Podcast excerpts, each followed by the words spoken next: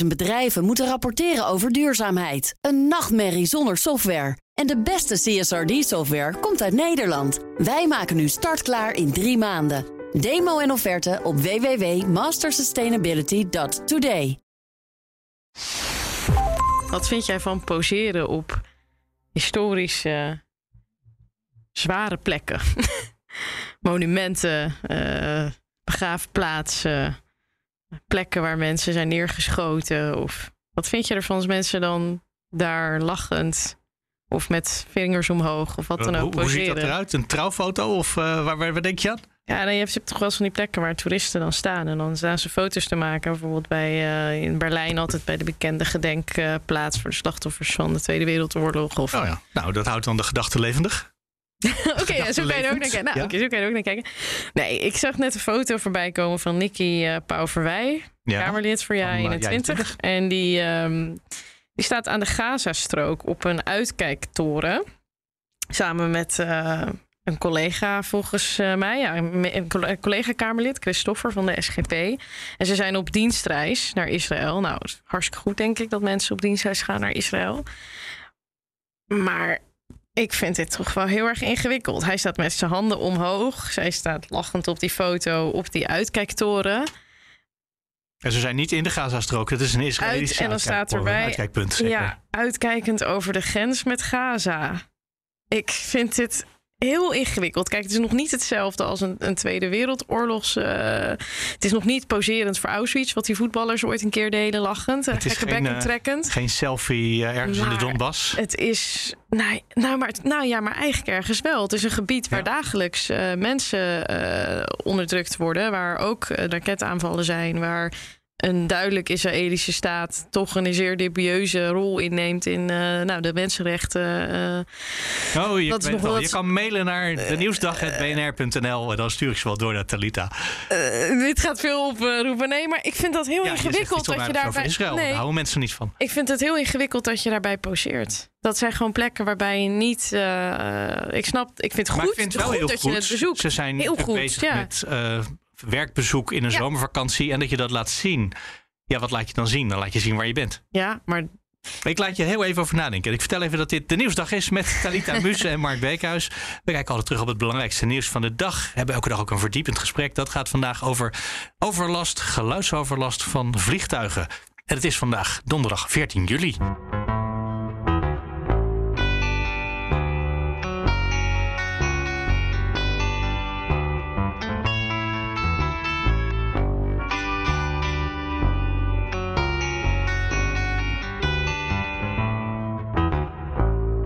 Dan beginnen we natuurlijk nog even met de mededeling. Je kan abonneren op deze podcast. En uh, ook vanuit Israël mag je luisteren naar uh, deze nieuws. nou ja, en wat zeg ik, vanuit de bezette gebieden mag je ook gewoon luisteren. Nou, ik heb er toch een beetje. Vind je dan, heb je daar niet een beetje moeite mee? Dat er moet er dan niet dan iets bij worden gezet van. Uh, dan, je moet dat tot of niet doen, of dan nog iets. Wat moet erbij? Je moet er staan. Geven. We zijn nu op, ja, eigenlijk in oorlogsgebied.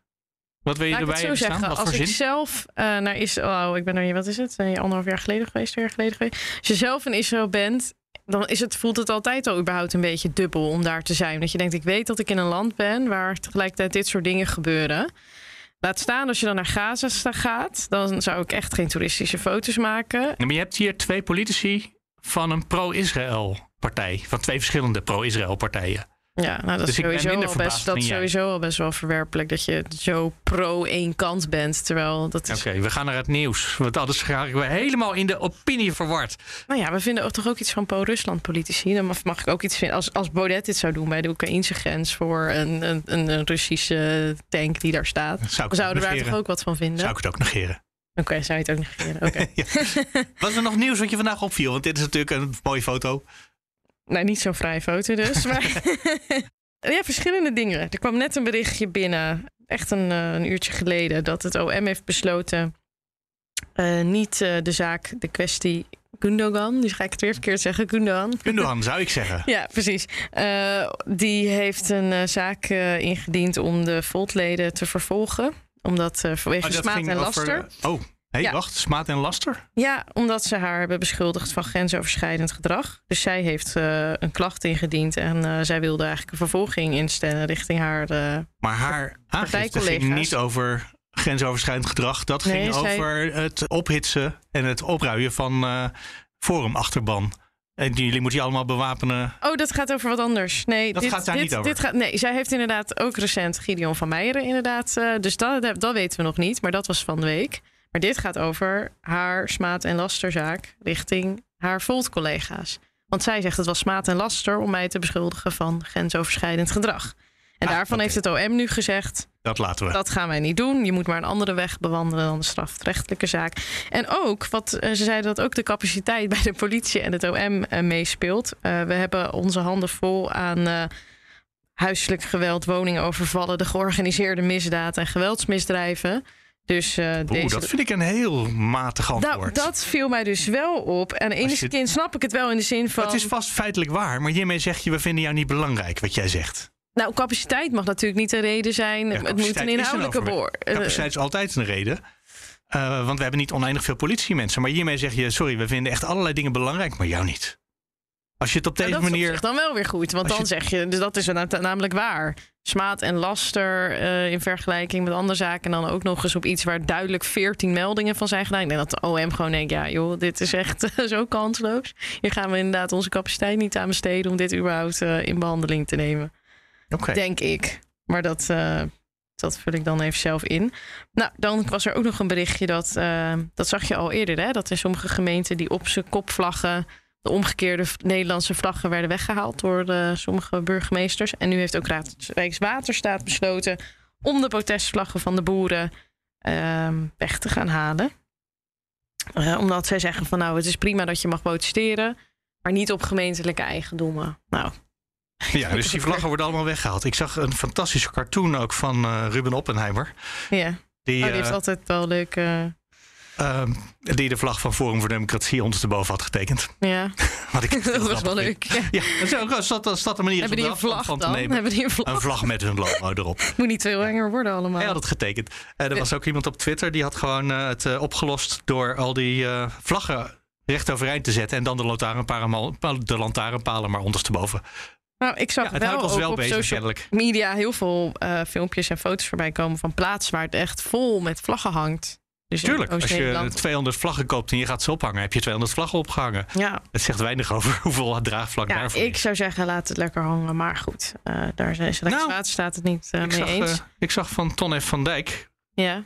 Die zei, ja, ik ben dan wel niet in, het, in het leger gezeten zoals Marco Kroon. Want die zei, dit is beledigend, nee. voor, beledigend voor iedereen die iets met de vlag heeft. Zei, maar ik heb bij de zevenkenners gezeten. Zevenkenners, dat heb zijn ik ook. Ja. Um, Wat zijn dat, en, zevenkenners? Padvinderij, maar dat okay. bootjes. Wat leuk. ja, heb ik leren zeilen.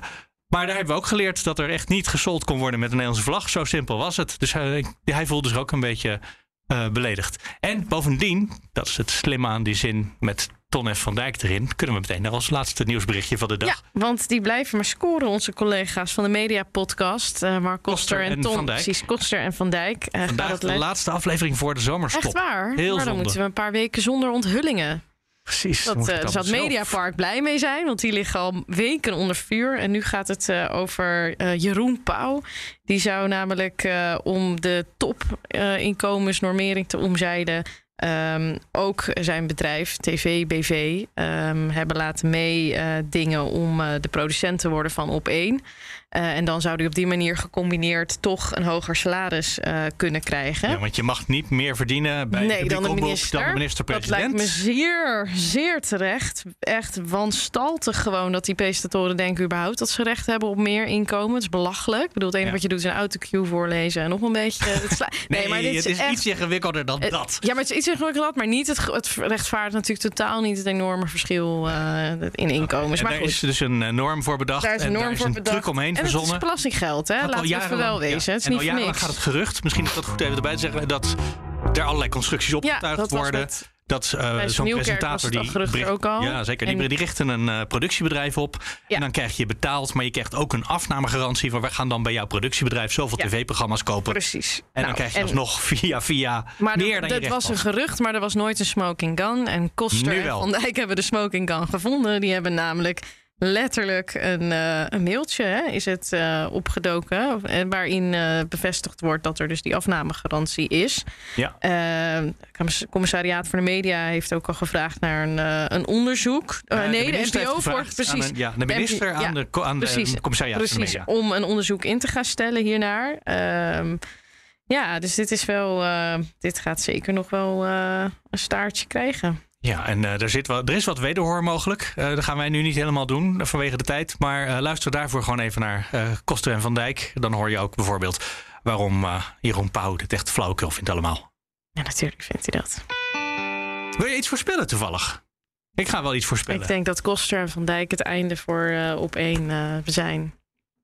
Nee, dat dus denk ik niet. Dat denk ik wel. Kost, dat is een, een Waterloo. Koster en Van Dijk podcast nee, gaat... Dat, uh... dat programma dat blijft nog bestaan. Maar de directeur die dat programma bedacht en uh, geregeld heeft... Frans Klein. Uitgezet bij... Uh, ja, ik, ik weet alleen zijn achternaam. Klein. Heet hij Frans? Uit Frans, ja. ja. Ik denk dat het misschien wel voor hem het einde gaat betekenen. Die man is nu zo machtig dat hij kan bepalen wie er op het belangrijkste slot een programma krijgt en regelt daar dan de omroep bij. Ja. Dat is niet hoe het in de wet staat. Sterk nee. nog, uh, in een Kamerdebat vorige week of twee weken terug heeft uh, de minister die daarover gaat nog gezegd: nee, maar zo werkt het ook niet. Nee. Maar zo werkt het dus wel.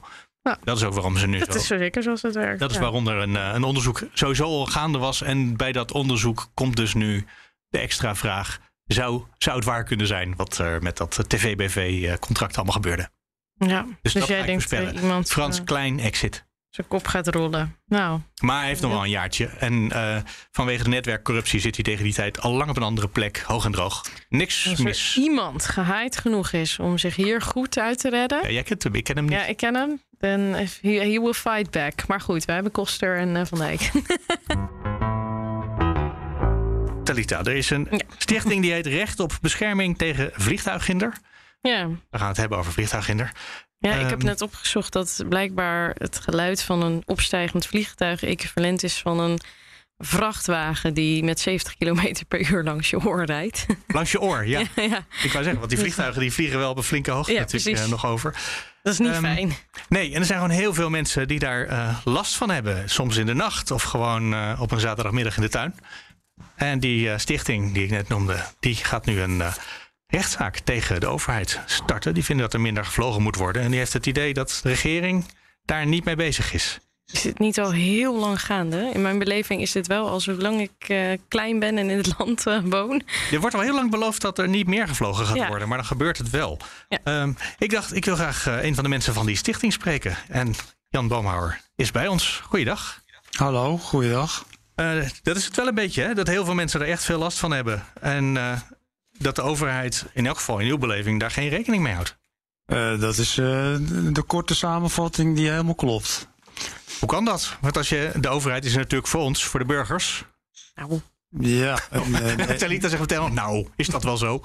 Ja, dat is, dat is ook een goede opmerking. Want het, deze overheid is er niet alleen voor de burgers, maar kennelijk ook voor de bedrijven. En soms net iets meer voor de bedrijven dan voor de burgers. Uh, dus ja, dat, dat, daar moet je altijd op bedacht zijn. En dat, dat is precies wat hier uh, in de omgeving van Schiphol uh, ook speelt. Er is te veel, er wordt te veel de oren laten hangen naar de, de luchthaven en de sectorwensen. En te weinig naar de, de omwonenden die, die ook graag bescherming willen tegen overlast. Ik kreeg, ik kreeg het idee dat het de coronacrisis is die ineens alles in beweging heeft gezet. Omdat we heel eventjes een periode hebben meegemaakt dat je gewoon onder een landingsbaan kon wonen zonder dat je echt heel veel geluidsoverlast had. Want er vlogen maar weinig vliegtuigen. Is dat inderdaad wat er gebeurd is? Uh, zeker weten doe je dat niet. Maar als ik naar mezelf kijk, dan uh, geloof ik dat uh, al zijn leven. Je heb je, ineens ben je weer bij, besef, bij het besef terug hoe het kan zijn zoals het vroeger was hier in deze regio. En ja, dat, dat wil je eigenlijk niet meer nog een keer los, losraken en kwijtraken. En dat is wat er nu eigenlijk in een uh, wel weer gebeurt. Hè, waar ze tientallen jaren over gedaan hebben. Dat gebeurt nu in een paar maanden tijd. Uh, het weer terugkeren naar oude niveaus. Dus ja, dat, uh, dat, dat versterkt de motivatie enorm. Ja, want, want hoe erg is het met die geluidshinder? Ja, je staat ermee op en je gaat ermee naar bed. Zo, zo eenvoudig is het. En sommige mensen, die, hè, dus pakweg 23.000 mensen, die hebben er ook s'nachts ook gewoon mee te maken. Dus uh, dat vind ik zeker terreur. Maar ook overdag, uh, 375 vliegtuigen over je dak, uh, dat, dat trekt niemand op de lange duur. En het is precies die lange duur die, die ons tot deze stap heeft gebracht. het duurt allemaal te lang. Moet de overheid niet gewoon dat hele gebied onbewoonbaar verklaren doorheen? gewoon zeggen van we kopen iedereen uit. En, uh, heel Amsterdam? Nou ja, alles in een bepaalde omgeving of zo. Nou, ik denk dat het niet voor heel Amsterdam. Ik heb zelf in Amsterdam gewoond. Ik heb in de pijp nog nooit last gehad van een vliegtuig. Hmm. Uh, hinder. Dus ik denk dat het voor bepaalde gebieden geldt. Maar is dat niet gewoon onbewoonbaar? Ik hoor dit al decennia dat het zeg maar uh, zoveel geluidsoverlast geeft. Het speelt uh, al decennia lang ja, dat de luchthaven te groot is uh, voor de omgeving. Maar uh, er wonen hier, en dan kijk ik ook weer naar mezelf, maar er wonen hier zoveel mensen met zoveel plezier uh, in de tijden dat het, dat het uh, rustiger is. Dat, uh, het is wel een beetje een verkeerde wereld als dan de bewoners moeten op, opkrassen en de luchtvaart maar verder moet groeien. Dus ik denk, denk niet dat de mensen die onze club steunen daarop uit zijn. Die zoeken helemaal geen geld of compensatie. Die willen gewoon, willen gewoon bescherming. Net als iemand die langs een snelweg woont of langs een spoorbaan of langs een industrieterrein. je wil weten waar je aan toe bent en dan moet je je mee naar de rechter kunnen. En dat is hier gewoon niet het geval. Maar wat is wel een acceptabele teruggang, zeg maar, van de hoeveelheid vluchten? Wanneer bereik je wel dan een geluidsniveau wat, wat leefbaar is? Ja, dat, ik, ik begrijp die vraag en ik vind, ik vind het moeilijk te beantwoorden. Maar, want ik, ik heb die rekenmodellen niet, maar ik denk dat Schiphol toch wel, wel gauw terug moet naar de helft. Ja. Wil je dat acceptabel krijgen met uh, zoveel woonwijken en bewoond gebied uh, eromheen? En het kan kennelijk, want we hebben net uh, van de minister gehoord dat er minder gevlogen gaat worden. Ja, dat is, uh, dat is op zich natuurlijk een bijzondere stap. Na jarenlang uh, elke vlucht die minder was, was een, een, drama voor Nederland. En nu zijn we 60.000. Nou ja, dat valt ook nog wel te overzien. Was nice to have, maar we gaan opnieuw beginnen. Ja, dat zijn natuurlijk wel rare bokkensprongen. En die zijn niet die zijn ook niet onverwacht. De druk op, uh, op de overheid om wat te doen neemt natuurlijk hand over hand toe. Kijk maar naar het stikstofdossier en naar uh, mm. rechtszaken over gedogen. Dus ja, met, als je het een beetje van een afstand kijkt, is het ook een vlucht naar voren. En dan hopen dat er bij 440 uh, uh, de kou uit de lucht is. Nou ja, dat heeft de minister dan vandaag op zijn bureau aangetroffen. De kou is niet uit de lucht. Nou, u zegt de helft. En dit was hoeveel weer er vanaf 60.000 vluchten op ja, 500? Dat is, dat dus dat is, iets van uh, 10, 15 procent of zo. Ja, uh, om, om een beeld te krijgen, dan ga je van 1500 vluchten op een dag naar 1350 vluchten op een dag. Ik denk niet dat mensen daarvan onder de indruk zijn. Nee, ik woon zelf ook misschien ietsje verder dan u van een landingsbaan. Boven mijn huis gaan de, de, de luiken aan de onderkant open en komen de wielen eruit. Uh, en daar klaag ik natuurlijk wel eens over, want dat is echt heel vervelend. Sommige zaterdagmiddagen of als je lekker in de tuin wil zitten. Um, maar dan hoor ik ook als antwoord, en dat zal u vast herkennen, ja, je hebt het huis gekocht en dat vliegveld dat lag er al natuurlijk, hè? Dat klopt. Uh, maar het vliegveld lag er. En er zijn ook regels in dit land over uh, hoe, de, hoe de overheid uh, voor, zijn, voor zijn burgers op zou moeten komen en een soort zorgplicht hanteert. Dus ja, als die luchthaven van jaar op jaar groter wordt, een baan bijlegt, zoals de polderbaan waar u het over heeft, en continu maar belooft dat er minder hinder zal zijn, dan is het heel gek als je terugkijkt. En sinds 2001 is er de ernstige hinder met 60% toegenomen. Met andere woorden, afspraken worden niet nagekomen. Afspraken zijn boterzacht. En ja, dat, dat je er dan als omwoner daar een keer een punt van gaat maken, dat kan je als overheid eigenlijk ook wel op je vingers natellen. Wat eist u eigenlijk? Want u daagt de staat voor de rechter. Uh, wat, wat wilt u dat de rechter toewijst?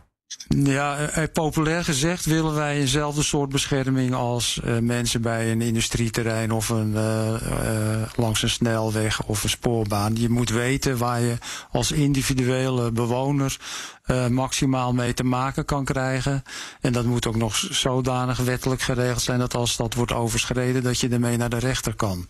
Nou, dat, dat is in de meeste sectoren in Nederland is dat gewoon geregeld. Bij de luchtvaart uh, is dat volstrekt afwezig. En dat zou zo'n soort maatregel zou al heel veel helpen om uh, te zorgen dat mensen een beetje van hun welzijn terugkrijgen. Ja. Maar wat betekent dat precies concreet dan? Wat voor soort bescherming krijg je dan als je rond een industrieterrein uh, woont, die nu niet dan worden er dan worden er maxima vastgesteld van, van lawaai op je gevel, bijvoorbeeld. Uh, dat betekent dat. Er zijn die er nu dan niet. Wat, wij, dat is toch waarom het aantal vluchten wordt verminderd, omdat de geluidsoverlast te hoog is. Dus dan moeten er kennelijk criteria zijn. Er zijn criteria, maar die uh, gelden niet voor individuele bewoners, maar die, die gelden voor een heel gebied. Uh, met ja. andere ja, en wie in dat gebied dan de klos is, uh, ja, dat is elk jaar weer anders. En dat kan elke dag weer anders zijn. En dat maakt het ook voor, voor omwonenden onmogelijk om te weten wat er de volgende dag boven hun hoofd hangt. Want misschien zijn zij dan wel uh, de klos.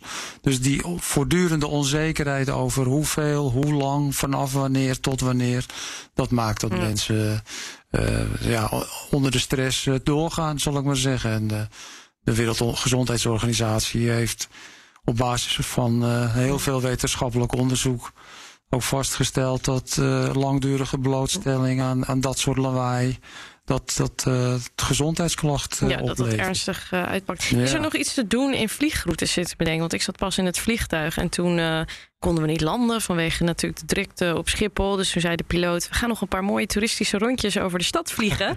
en ze allemaal hangen uit het, aan de ene kant en dan kan je een mooie foto zijn, helemaal mooi scheef. En de hele, dat was niet normaal. Die gingen een hele toeristische tour over de stad maken.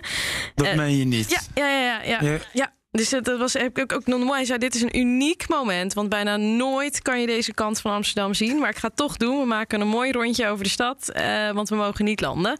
Nou, oké. Dus uh, iedereen natuurlijk, de toeristen blij.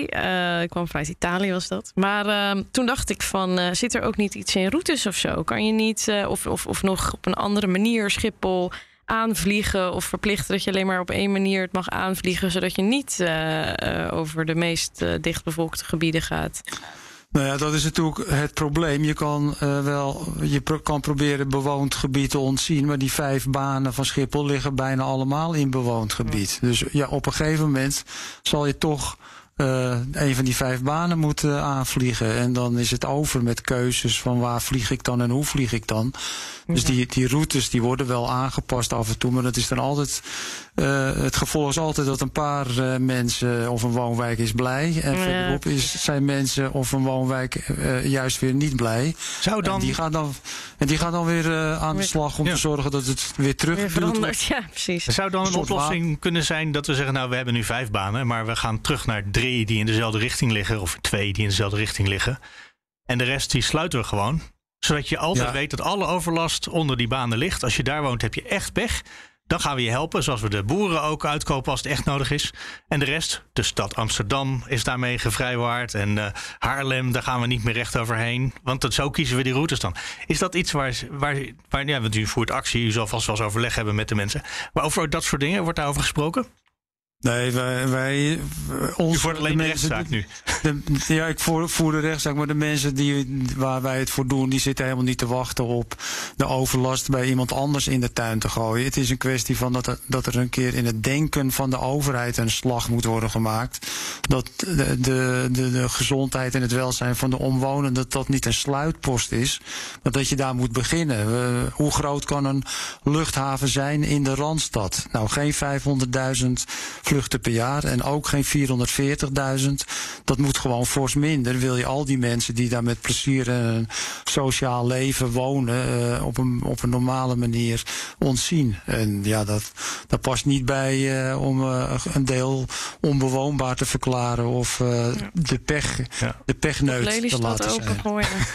ja. Nee, dat maakt het probleem op een andere plek ook weer. Dan krijg je het zelf. niet wat meer. Dat is toch wat minder dichtbevolkt dan. Het gaat over stiltegebieden in de natuur. Ja, maar ja, we moeten wel wat kiezen in, uh, in Nederland. We kunnen niet alles. Je moet ook die vluchten spreiden. Ik snap best wel dat je als Schiphol niet zomaar in één keer per direct een streep kan zetten door de helft van je vluchten. Dan ben je gewoon failliet. Nee, Schiphol gaat dat niet doen. Dat nee, moet, het dat, Rijk dat, moet dat doen. Ja, maar dan, dan, dat kan niet. Weet je, je businessmodel, daarin kan je niet zomaar 50% van je omzet uitschappen. Dat kan bij geen enkele organisatie.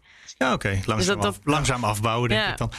Um, U, voert nu u begint nu die rechtszaak. Is er. Uh, nou, u wilde nog reageren volgens mij oh, hierop. ja. Nou, je, kijk, oh, er is een spreekwoord: onder druk wordt alles vloeibaar. En dat betekent dat we hier eh, gewoon de overheid een handje moeten helpen met die keuzes maken hè, over hoe groot die luchthaven kan zijn. Want laten we wel zijn. Heel veel van die mensen die op Schiphol met een vliegtuig aankomen weer vertrekken. Dat zijn mensen die uh, het helemaal niet boeit dat ze op Schiphol zijn, maar dat is een overstap. Ja. Ja, dat is waar. Dus, het is echt 60% of zo, volgens mij. Als je, precies, als je dus begint af te vragen wat wij, wat wij daar wijzer van worden, dat de KLM ervan wijzer wordt, dat hebben we inmiddels allemaal wel gesnapt. Maar uh, worden we er als Nederland blij van en als omwonenden blij van?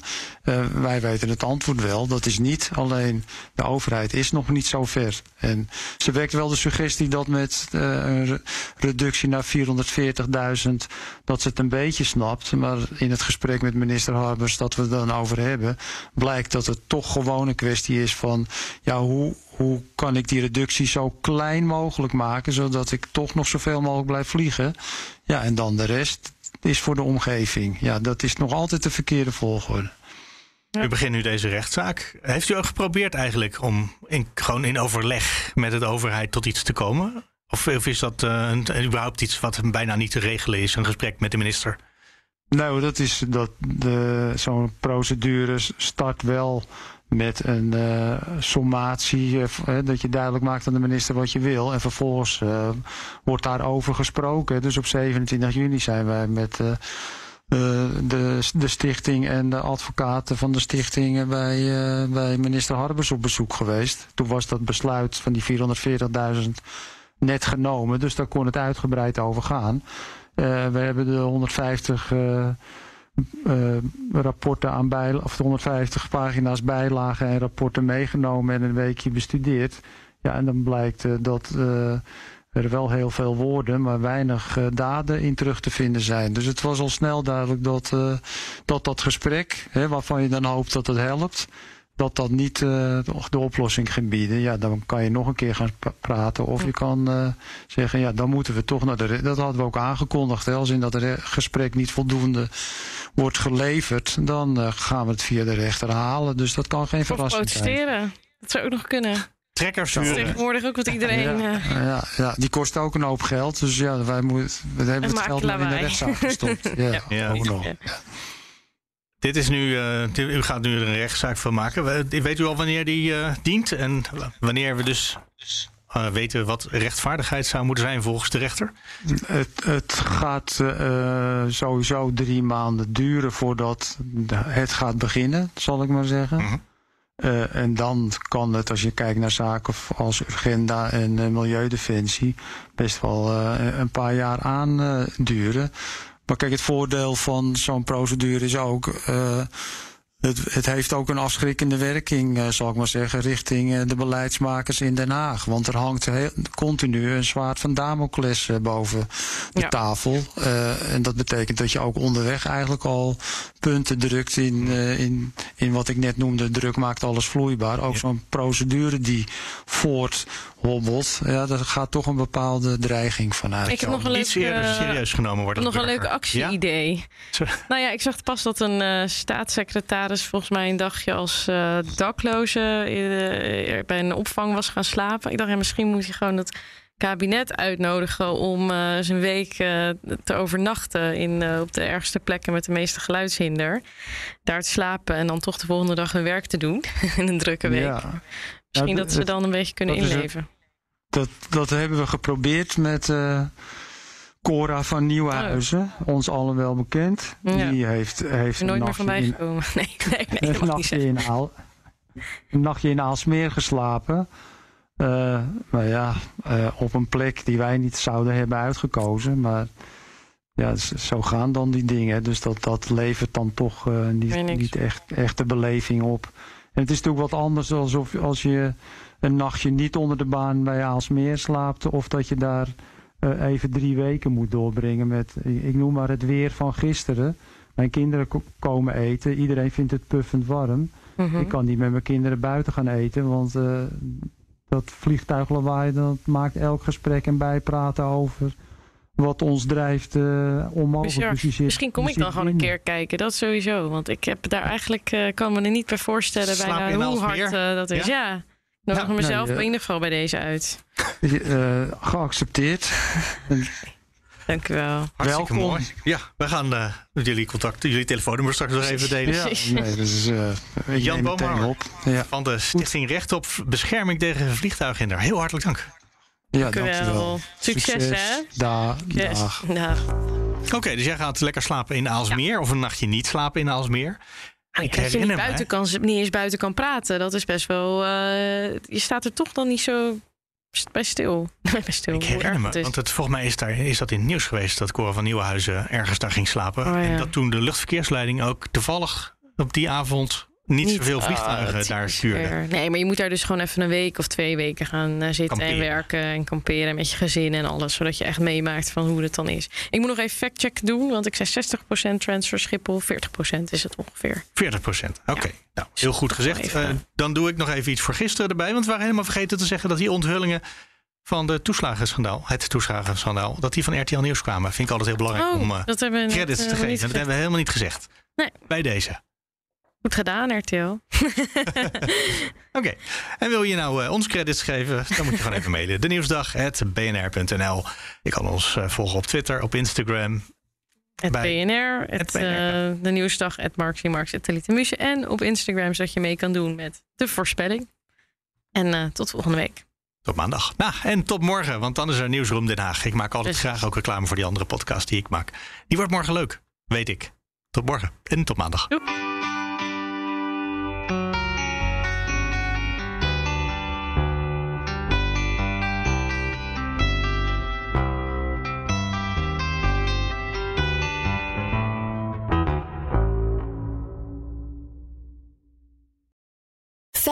50.000 bedrijven moeten rapporteren over duurzaamheid. Een nachtmerrie zonder software. En de beste CSRD-software komt uit Nederland. Wij maken nu startklaar in drie maanden. Demo en offerte op www.mastersustainability.today.